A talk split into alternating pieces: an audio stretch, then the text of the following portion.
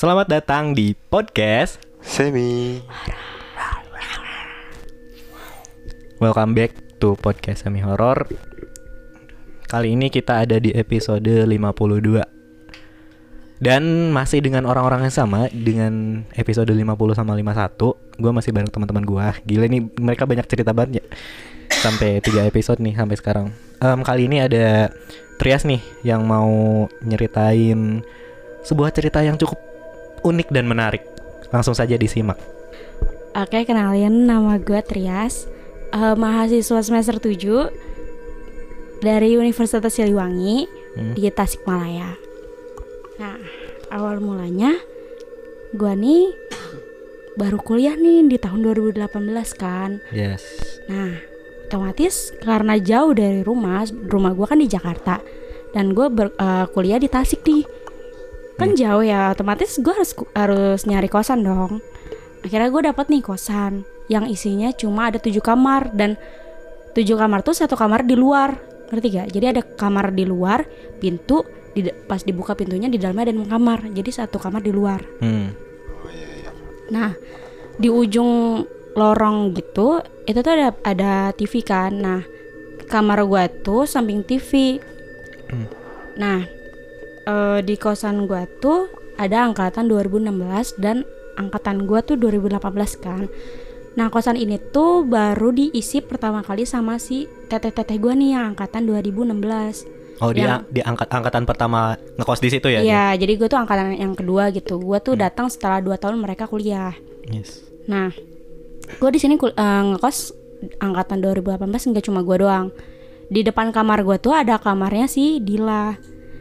Nah, Hmm. terus eh gue dari awal datang tuh nggak pernah denger nih cerita-cerita horor karena mungkin gue tuh belum deket kan sama tete-tete gue. Mungkin mereka juga nggak mau lah nak-nakutin gue karena gue kan mahasiswa baru Hmm. yang padahal notabene kosan gua tuh samping kamar gua tuh pohon pisang banyak banget dan dikelilingin sawah karena kan masih da- daerah Jawa yang masih ke kabupaten gitu kan. Tasik. iya. Nah terus singkat cerita gua kuliah nih sama teman-teman gua santai aja. Nah mungkin setelah eh, dua bulan tiga bulan teteh-teteh gua nih udah berani speak up tentang apa sih yang ada di kosan gua nih gitu kan. Terus teteh Sebelumnya lu nggak nggak tahu apa-apa nggak ngerasain ya apa-apa? gue nggak tahu apa-apa karena kan kita cewek semua ya kosannya dan eh, ada enam kamar yang kepake dan semuanya tuh rame. Jadi kita nggak nggak tahu apa-apa. Teteh-teteh gue juga nggak mau nakut-nakutin kayak gitu kan. Terus akhirnya teteh gue nih berani lah akhirnya menceritakan bahwa ternyata ada penunggu di kosan gue yang bertempat di kamar Dila. Nah Dila ini kamarnya persis banget di depan kamar gue Apa yang membuat si kakak tingkat ini cerita? mungkin pengen ceritanya tuh kayak biar kita tuh kalau misalkan tiba-tiba dia iseng atau gimana ya kita udah paham aja oh gitu iya. Hmm. yang emang si penunggunya ini tuh nggak nggak apa ya nggak iseng sih menurut gue cuma emang mungkin teteh gue cuma ngasih tahu aja gitu kan Hmm. karena emang si penunggunya ini udah ada dari sebelum bangunannya tuh dibangun jadi kita juga emang nggak bisa ganggu kan Hmm. terus udah singkat cerita nah temen gue ini jadi ketakutan nih sama si sosok si kuntilanak ini Setelah dengar cerita ini. Iya karena bertempatan di kamarnya dia gitu Mhm. sedangkan gue kan eh, sekamar berdua sedangkan si Dila ini sekamar sendiri jadi dia ketakutan dong jadi sampai seminggu lebih dia tuh sampai nginep di kamar gue karena emang takut kan Gak berani ya. Iya nggak berani. Terus eh temannya teteh gue ini kan katanya sih indigo ya.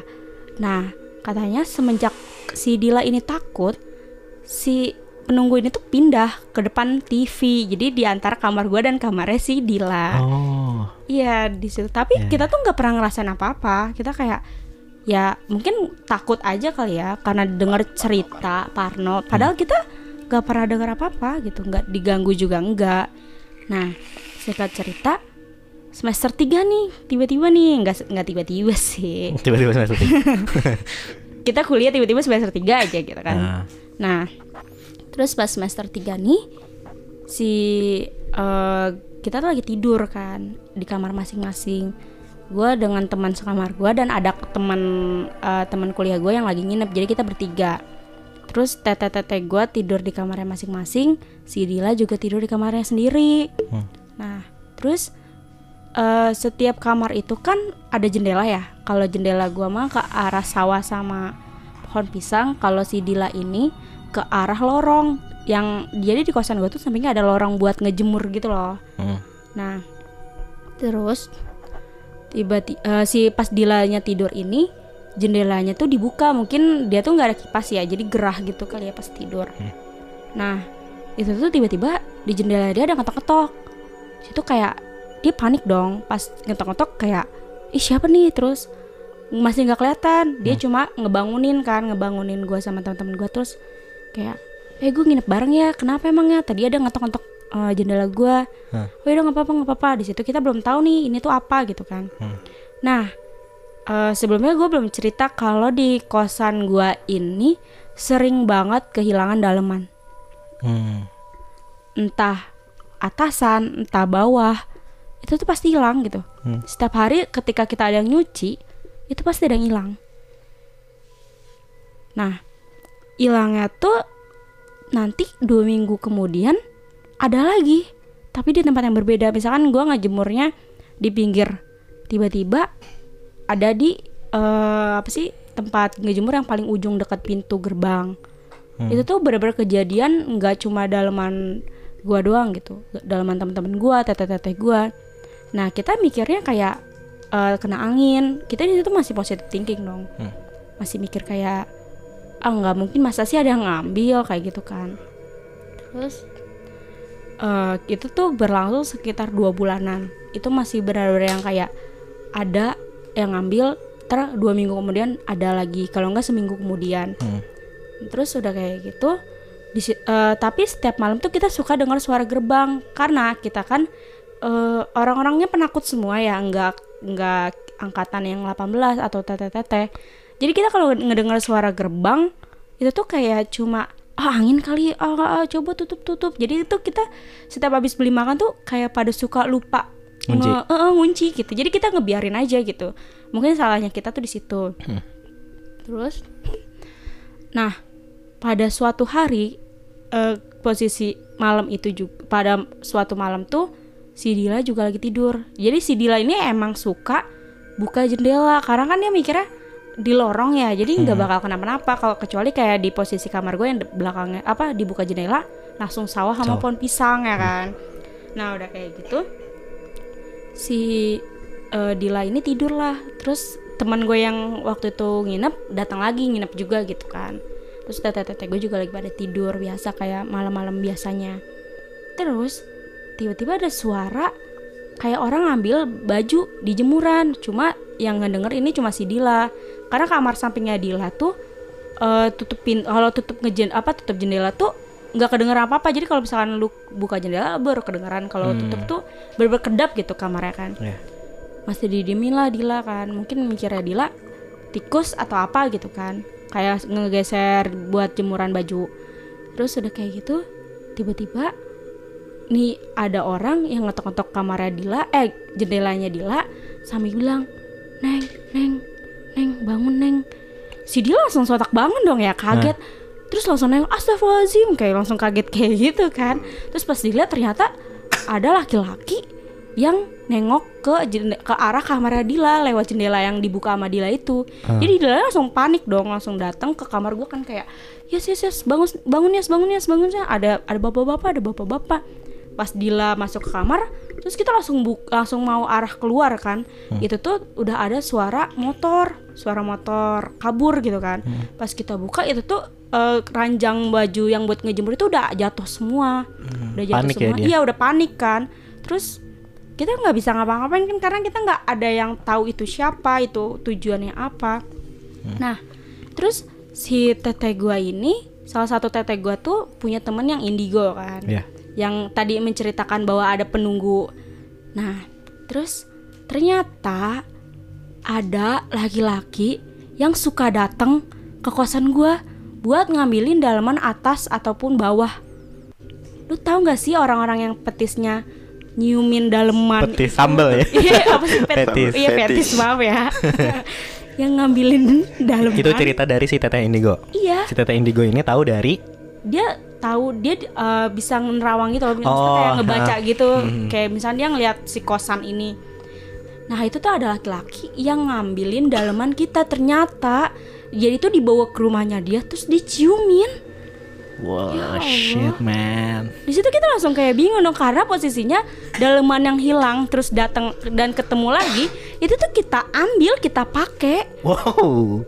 tanpa dicuci Iya lagi karena kan kita mikirnya Itu kemarin kita Ah. nggak lihat kalau ternyata ada di situ kita pikirnya kayak gitu ternyata diambil sama orang itu sampai dia puas baru dia balikin.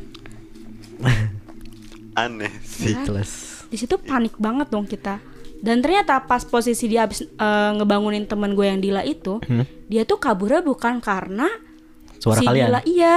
Jadi karena si penunggu yang ada di depan TV itu, itu tuh sekarang tuh ada di lorong yang dekat jemuran itu. Itu Pindah ke lorong. Ya di situ dia nampilin seluruh tubuhnya ke orang yang ngambilin daleman si teman-teman kita itu yang ada di kosan. Menampakkan diri ya. Iya gitu. Jadi ternyata dia kaburnya karena ada kuntilanak itu. Bukan karena kita ketahuan. teriak. Iya, berarti Iya. kan parah banget dong. Ya dari situ dia udah nggak pernah datang sih. Cuma di situ kita udah mulai parno. Bayangin selama ini barang yang hilang terus datang kita pakai dan ternyata udah bekas diciumin sama orang itu. I- itu juga sekedar ciumin atau Iya, kita ada yang lain gak ada yang tahu Nah, kita nggak tahu di situ dia ngapain ya kan. Ternyata tuh orang itu tuh tahu setiap kita keluar masuk kosan. udah hafal jadwalnya Iya, udah apa jadwal kita? Oh. itu orang niat, Risetnya luar biasa ya. iya, Iya. niat banget ya nyari jadwalnya Padahal di situ tuh wilayah kosan perempuan, tapi kenapa harus kosan gua? Mungkin kalau misalkan dia nggak Tapi di ditampilin sama kosan lain nggak ada kasus kayak gini. kayaknya nggak ada. Karena nggak berkoar apa pun Hmm. di kosan gua aja gitu. Mungkin kalau misalkan si penunggu itu nggak nampilin, dia masih sampai sekarang kayak gitu. Belum kapok. kayaknya sampai sekarang juga masih ada deh ya kan? orang-orang kayak gitu kayak nggak bakal berhenti sih Susah sih. iya karena udah kebiasaan gak sih Kayak yang kasus anak kuliah mana sih? Yang bungkus-bungkus. aduh lupa lagi itu Erlang, eh Erlang. Ya itulah si siap. Gilang ya namanya? Iya, oh iya Gilang. Gilang Iya, itu yang Gilang. Iya ya. Lang, Tapi itu lang, bapak petisnya lu ke cowok, ya. nonton lang. Iya. ini maksudnya ini masih penting betisnya ke cewek Iya. gitu itu betis ke cowok loh Iya. Duh, ntar gue ngomong gini salah lagi ntar orang-orang yang denger ada yang Ini pas Iya. kuntilanaknya menampakin. Mas, kancutku ambil bang. Aduh. Gak kebayang sih. Awalnya kita takut sama penunggu itu kan setelah diceritain sama teteh-teteh. Jadi kayak horor gitu malam-malam pulang. Tapi semenjak abi- abis kejadian itu malah kita jadi bersyukur gitu ada dia. Karena dia ternyata ngejagain kita karena dia emang penunggu di situ juga dan kita bersikap baik sama dia gitu. Hah? karena Ya saling penunggu saling ngejaga aja. iya penunggu lama juga Iya. gitu ya mungkin dia itu penunggu situ pengalaman juga kali dulu pas dia masanya masih hidup kayak gitu juga kali ya Gak tahu. Mungkin. Bisa jadi. wah Ini kalau jadi judul bagus nih. Kuntilanak Penolong. Penyelamat. menolong em, mengusir pelaku fetis Iya. celana dalam kancut. Iya. Biasanya biasanya kuntilanak tuh nyeremin ini Iya. keren ini keren Tapi masih ada satu sih yang emang agak kurang keren menurut gua karena kan kakak gue ini juga bisa dibilang indigo ya. Hmm. Nah kakak gue ini punya anak. Hmm, Nah kan namanya kakak gue tuh udah punya anak. Kakak apa? ya? Kakak gue. Kakak Kakak kandung. Berarti kan itu anaknya ponakan gue dong. Hmm. Iya. Nah gue ini kan rich auntie-nya dia ya kan ceritanya. Auntie. Nah, jadi dia sering video call gue dong ketika gue di Tasik gitu, Ah. karena dia kan apa apa sama gue gitu selama di rumah. Biasanya eh, hantu itu kalau ngeliat anak kecil itu senang, ya kan? Hmm. Suka diajak main. mungkin iya Nah, ponakan gue ini karena mungkin emak bapaknya yang begitu, anaknya nular lah. Turun. Bisa bisa juga kayak gitu kan. Nah, setiap gua ke arah jendela yang arah pohon pisang itu, Hmm? itu tuh ada perempuan berdiri dan itu tuh bener-bener nggak bisa senyum. Jadi setiap ngeliat ponakan gua tuh dia juga nggak senyum sama sekali gitu. Diajak ngobrol pun nggak bisa, Padahal seneng tapi enggak itu lu tahu dari dari kakak gua. Biasanya kan dia kalau ngeliat anak kecil kayak diajak bercanda atau apa ya kan. Ini enggak, dia cuma diem ngeliatin adik apa ngeliatin ponakan gua. Tapi dia nggak bisa masuk ke kawasan gua. Kenapa ya? ponakan lu bereaksi gitu tapi. Takut. Biasanya ponakan gua tuh nggak bisa bedain. Hmm. Hmm. Tapi ini dia bener-bener takut. Iya. Masih bayi. Masih bayi, masih umur 3 tahun waktu itu. Dia bener-bener nggak bisa pergi juga enggak gitu. Jadi dia cuma stay di depan jendela gua. nggak masuk ke kamar. Enggak. Tapi dia nggak bisa senyum sama sekali. Tapi Ditanyain alasan dia kenapa bisa kayak gitu juga nggak cerita. Nggak ini juga ya. Iya. Walaupun masuk juga serem tapi. Iya sih serem juga sebenarnya. Tapi setidaknya mungkin biasanya bisa cerita dong alasan dia Iya. kayak gitu kenapa. Tapi ini enggak. Dia cuma diem di jendela ngeliatin situasi udah. Mungkin dia ngejagain lu kali. Kita nggak kenal. Atau mungkin Karena, dari karena emang udah ada di situ dari sebelum gua datang. Hmm, ya mungkin aja kan karena dia nggak mau cerita mungkin dia jagain dulu kali. Iya Kita kan gak ada yang tahu. Soalnya pas gua pulang ke rumah, gua akhirnya dibawain garam kasar gitu sama kakak gue Buat buat disiramin di situ. Taburin di Iya. sekeliling Iya. musir ya jatuhnya. ya. Hmm. Penangkal. Dan lo tahu gak? Ketika gua dibawain garam kasar buat disiramin ke jendela itu setiap sore, Hmm? tiba-tiba di kosan gua yang emang banyak sawah itu ada ular sawah. Lo tahu? Ama teteh gua diambil itu garam disiram ke ularnya.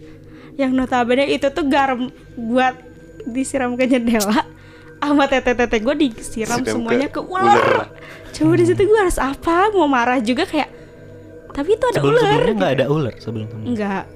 Ular sawah gimana sih? Cuma tiba-tiba dateng gitu kali ya. Gue Mungkin mau marah juga bingung. mungkin sawahnya udah udah mulai nggak cocok untuk ditempati kali. Makanya dia mencari tempat lain. Hmm. Tapi emang ya pas gue nyoba ngedrone di daerah kosannya si Trias ini Itu emang wajar gak sih? Soalnya udah mulai agak padat gitu Ah, Tapi gue juga gak merhatiin banget sih sawahnya segede apa Cuma kayak wajar aja sih kalau ada hewan gitu iya. Cuma Iya. kita nggak tahu juga kenapa ternyata itu jelmaan Iya. tahu sih gua. Tapi ya positif thinkingnya mungkin tempat tinggal mereka tuh udah gak layak ditempati mungkin. Hmm. Kan kita nggak ada yang tahu. Cuman kalau misal pikir negatifnya ya jelmaan aja udah. Kalau kita pikir negatif, karena kan sini kan podcast semi horror, jadi Iya. kita berpikiran negatif aja dulu. Em, aduh, gua ngomong apa? Mau ngomong apa ya tadi? Ayo lah apa lu? Terus sampai sekarang si mbak-mbak penjaga kosan lu masih terakhir nampakin itu doang. Iya. Karena gue udah nggak pernah nanya-nanya lagi dan teteh gue tuh udah lulus. Oh. Karena kalau misalnya gue nanya ke Oh, jadi- kakak gue mah makin parah. Mungkin Oh. bakal menceritakan semua yang ada. Jadi gue nggak berani. Apalagi kan setelah pandemik ini kan eh, kosan gue hampir Kosong. satu tahun kosong ya. Hmm, mungkin nambah Ya kita nggak tahu. penghuninya, bukan cuman dia doang. Kosong nih. Iya. Isi ah. Daripada gua nggak bisa isi apa-apaan gitu kan. Bisa. Apa sih tadi lu ngomong apa? Yang mana? Tadi katanya lu pengen ngomong. Itu yang itu. Oh udah itu. oh, kira lu masih itu cuman Si mbak-mbak. selingan. Si mbak-mbak penunggu ini kabarnya gimana gitu. Enggak tadi ada lagi. Oh berarti mbak-mbak gitu tadi yang angkat teteh-teteh lu. Oh, jadi- Mbak. Enggak. Kakak teteh lu ini cutting. Iya, Kakak cutting. lu kakak kandung. Iya, kakaknya Oh, kakak kandung. ya, ngerti ngerti. Ya kan dari tadi juga begitu bang. Gue sih ah udah malam, udah pagi. Udah pagi. Udah jam 2 Eh udah jam 2 ya. Jadi. Udah. Udah. Oke. Mungkin episode 52 itu dia cerita dari Trias. Em, akhir kata di episode 52 Aziz pamit. Hidung pamit. Pandu pamit. Trias pamit. Buat kalian tetap stay safe, stay healthy, and tetap dengarkan podcast. Semi. Wow.